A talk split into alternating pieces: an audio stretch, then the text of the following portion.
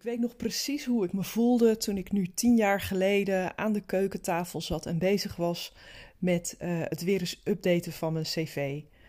Ik voelde me diep ongelukkig, gefrustreerd, maar ook een beetje beschaamd. En dat is misschien wel wat vreemd, want uh, ik had een heel lang cv met heel gevarieerde uh, organisaties, klussen, opdrachten. En toch, ik zit daar en ik denk, elke twee jaar uh, nieuw werk, een andere opdracht. En elke keer denk ik: dit is het. Hier ga ik de komende jaren zo van genieten. Hier ga ik zo'n verschil maken. Hier ga ik zo ontzettend veel leren. En elke keer na twee jaar uh, treedt onherroepelijk een soort frustratie in, uh, die ik niet anders kan beschrijven dan moedeloosheid, verveling, bore-out. En mijn standaard reflex was eigenlijk tot dat moment: dan ga ik solliciteren. Dan ga ik ergens anders heen waar ik wel op waarde word geschat. Waar wel uh, de leiding ziet wat ik allemaal doe.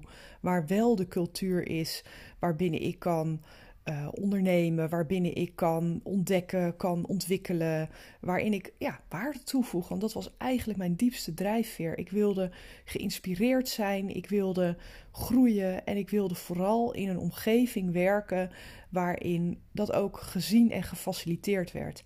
En elke keer na twee jaar kwam daar weer die enorme domper. En ik voelde me ontzettend verwend. Want dat was het eigenlijk. Ik had nog nooit een moment zonder werk gezeten. Het waren echt mooie opdrachten. Elke keer een tandje moeilijker. Elke keer een tandje interessanter, complexer. Nou, noem het maar op. Voor de buitenwereld leek het alsof ik echt een, een komeetachtige carrière aan het maken was. En het voelde ook ongelooflijk verwend en ontevreden dat ik elke keer uh, ja, echt bijna fysiek pijn had van de verveling na twee jaar. Had je me op dat moment gevraagd wat de bottleneck was, dan had ik je waarschijnlijk gezegd dat het lag aan het ontbreken van inspirerend leiderschap. Ik voelde me niet gezien, ik voelde me niet gehoord, ik voelde me niet erkend. En ik had ook niet echt een rolmodel om me aan op te trekken. En dat alles bij elkaar gaf mij uiteindelijk de conclusie van dan moet je maar eigen baas worden. Als jouw baas je niet weet te inspireren, dan ga je gewoon lekker voor jezelf beginnen. En zo gezegd, zo gedaan. Ik nam me stevig voor op het moment dat er een opdracht langskomt waarmee ik uh, een jaar in mijn inkomen kan voorzien, dan waag ik de sprong en ga ik voor mezelf beginnen. Nou, dat kwam eigenlijk sneller dan verwacht. Ik schrok daar ook een beetje van. Maar uh, in een ziekenhuis zochten ze een programmamanager die uh, niet zozeer een achtergrond hoefde te hebben in de zorg, maar die wel iets moest weten van, uh, nou ja, verandermanagement, politiek gekonkel, weerstand, want het was nogal een stevige verandering die daar ingevoerd moest worden. Nou, verandering, dat is iets waar ik heel graag mijn tanden in zet. En uh, ik had de afgelopen jaren in heel veel bestuurlijke omgevingen gewerkt, bij gemeenten, uh, bij het Rijk had ik gewerkt. Uh, dus ik wist er wel het nodige van. Ik had er ook de nodige ervaring mee. En ik dacht: dit wordt mijn kans. Ik word eigen baas. Ik diende mijn ontslagbrief in en begon vol goede moed als ZZP'er, als programmamanager en verandermanager bij een ziekenhuis. En dat programma dat was één groot avontuur. Er was uh, al eerder een programmamanager geweest, maar die was gesneuveld tijdens het proces. Dus er zat al wat, wat lading aan. Het, het was niet dat ik uh, in één keer warm ontvangen werd en iedereen uh, blij was met mijn komst. Maar ik moet zeggen, we hadden al heel snel een modus gevonden waarin we met elkaar heel goed konden samenwerken en waar iedereen ook zijn eigen rol in kon gaan vervullen. Dus we hebben uiteindelijk uh, een dik jaar hebben we gewerkt voordat het programma live ging en ik heb me ongelooflijk geamuseerd. En het was pittig hoor. We hebben hele zware discussies gehad. Lang niet iedereen zat te wachten op die verandering. Dus ik kwam alles tegen waar ik de afgelopen uh, jaren in mijn loopbaan voor getraind had en dan keer tien zo'n beetje. Dus ik werd aan alle kanten gechallenged, maar ik had wel het gevoel dat ik leefde en dat ik waarde kon toevoegen. En wat er vervolgens gebeurde was dat ik na livegang een jaar bleef hangen en lo and behold, toen ik eenmaal twee jaar bezig was in die klus, kwam weer precies hetzelfde ongenoegen terug. Dus de opwinding in het begin van oh, weer iets nieuws en weer iets spannends en iets waar ik waarde kan toevoegen, was in één klap weer, ehm, ja, niet van tafel, maar het, het, ik kwam weer in mijn oude verhaal terecht. En ja, dat gaf, kan ik nu wel zeggen, tamelijk diepe identiteitscrisis van jongens. Misschien ligt het dus helemaal niet aan het leiderschap, want ik ben hier de leider. Eh, er moet aan een hele andere knop gedraaid gaan worden. En toen ik op een ochtend op weg was naar mijn werk in alle vroegte, het was nog donker, het was februari, uh, het was van dat druilerige weer. Uh, ik reed in een file, dus ik had al tijdenlang naar uh, remlichten voor me staan kijken. En ik, ik reed daar onder dat, dat wegrestaurant bij de A4 op weg naar mijn werk. En opeens realiseerde ik me: ik ben het probleem hier. En noem het naïef, noem het kortzichtig, maar dat was echt een inzicht van heb ik jou daar. Het was echt een soort moment van afschuw dat ik dacht, ik wil dit niet langer meer. En het ligt niet aan mijn buitenwereld, het ligt aan mij. er zit in mij iets ontzettend verkeerd, waardoor ik elke keer met tamelijk korte tussenpozen weer in dezelfde situatie beland. En dat was ehm, een heel pijnlijk besef. Ehm, maar het betekende ook dat ik wist waar ik moest gaan zoeken. Want mijn normale reflex zou zijn geweest om maar weer te gaan solliciteren, om weer te gaan kijken waar ik een andere klus binnen zou kunnen halen, om te vluchten uit de situatie waar ik in zat en om dan weer twee jaar lang ehm, eh, hetzelfde, ja, uh, hetzelfde, dezelfde cyclus in te gaan eigenlijk. En nu besefte ik, het moet echt anders. En dat was het moment dat ik besloot: uh, ik ga zelf mijn project worden. Ik ga op onderzoek uit hoe ik zo aan mijzelf en aan mijn denkbeelden, aan mijn mindset kan gaan werken.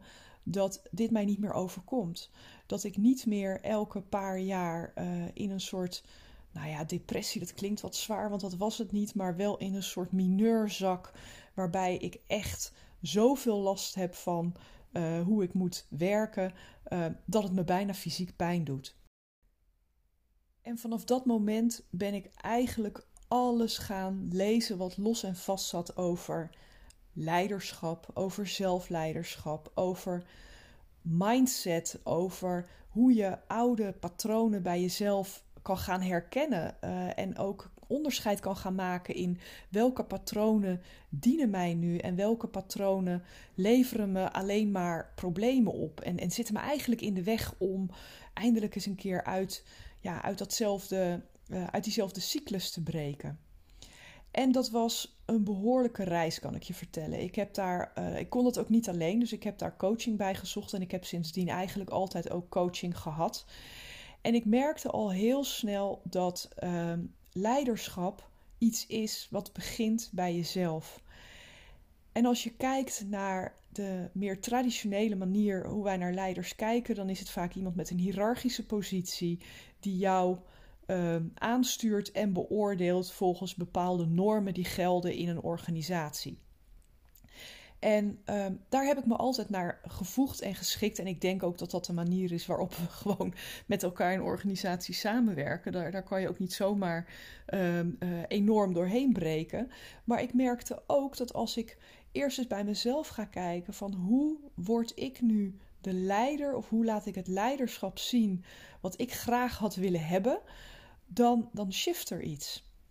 En bij mij begon het met onderzoeken van waar voeg ik nou echt de meeste waarde toe? Wat gaat mij nu zo ongelooflijk vanzelfsprekend af dat uh, mensen me daar ook naar komen vragen van goh, kan je eens meedenken over dit of kan je dat eventjes voor me doen? Um, terwijl ik denk van joh, maar dat doe je toch met twee vingers in je neus, dat is zo gepiept. Als je dat eenmaal hebt, dan heb je een soort sweet spot te pakken waarbij je voor jezelf uh, moeiteloosheid creëert in je werk, maar waarbij, waarmee je ook veel meer impact maakt. En waar het bij mij in zat, was uh, twee dingen.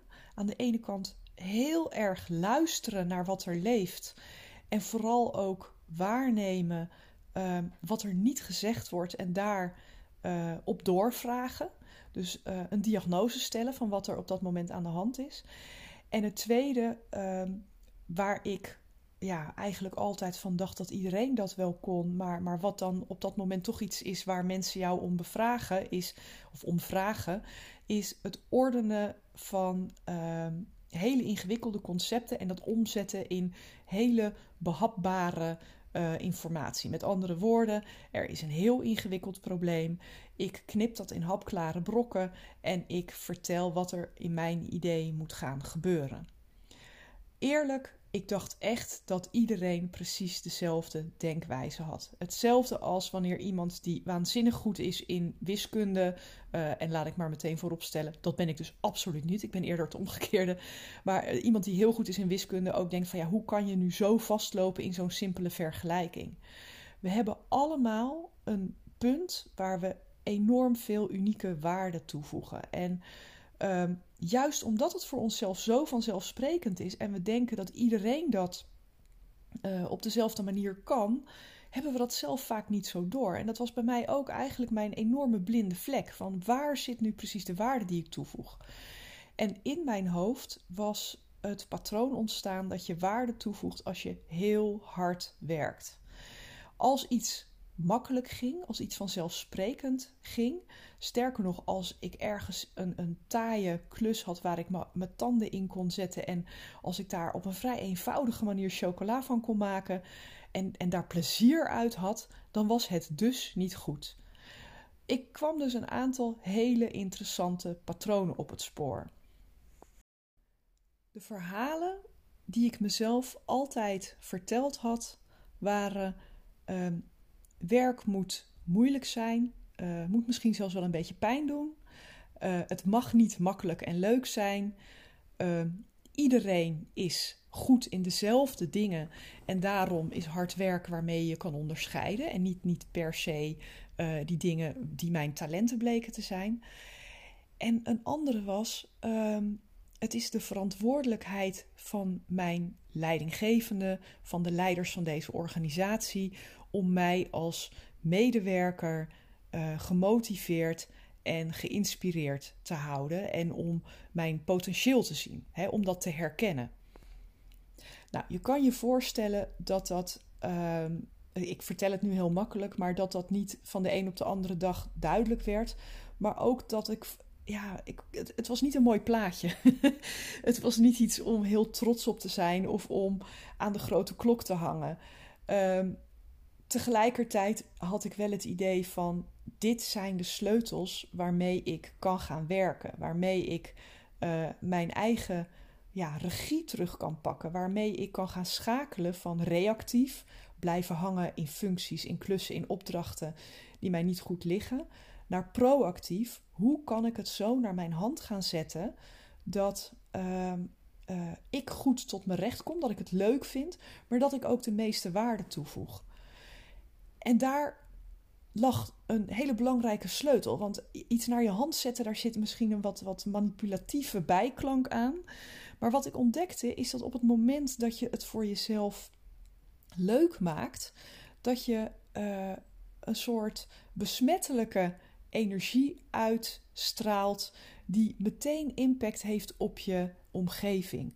Op het moment dat jij de dingen gaat doen waar je goed in bent en waar je plezier in hebt en op die manier jouw functie, nou ja, het elastiek van je functie als het ware ietsjes naar buiten uithangt, dan heeft dat een enorme ripple effect op je, op je omgeving.